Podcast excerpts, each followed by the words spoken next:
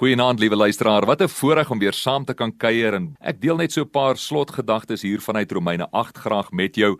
Ons het voorheen gepraat oor die feit dat daar geen veroordeling is vir ons in Christus nie en dat hy ons liefhet en dat hy ons vergewe en dat ons seuns van God is. En so wil ek net graag afsluit dan hierso vanuit Romeine 8:24 en 25 wat sê ons is gered in hoop en daarom kan ons hoopvol wees. Nou wat is hierdie hoop? Romeine 8:26 praat van die hoop dat God altyd by ons is selfs in ons swakheid en selfs wanneer ons nie weet wat om te bid nie, dat sy Gees self pleit vir ons met versigtings wat nie met woorde gesê kan word nie. Nou dit is fenomenaal om net te dink daaraan. Dat God self vir ons pleit, die Gees van God bid vir ons. Die Gees van die Here bid vir jou. In Romeine 8 elders sê dit ook dat Jesus self bid vir ons. Is dit nie besonder om te dink dat God self vir jou bid nie? Weet dat daar niemand beter kan wees wat vir jou bid as God homself nie.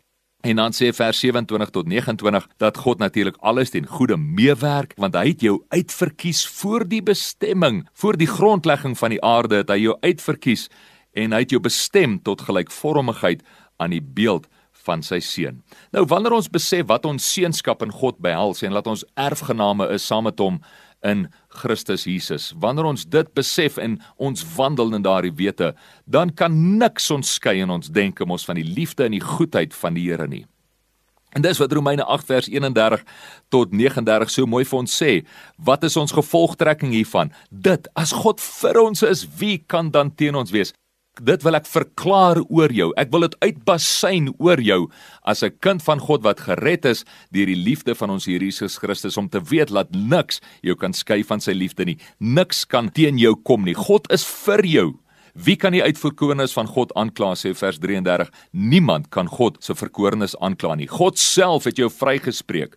Niemand kan jou veroordeel nie. Wie kan ons van die liefde van Christus skei? Sê vers 35. Niks kan ons skei van die liefde van Christus nie. Geen hoogte nie, geen diepte nie, geen lewe, geen dood, niks. Mag jy daarin wandel en altyd weet dat as 'n seun van God is jy geborge in hom. Jy is veilig in hom. Jy kan werklik jou lewe en al jou bekommernisse kan jy op hom werp en aan hom oorlaat. Dit is die liefde wat God die Vader vir jou het.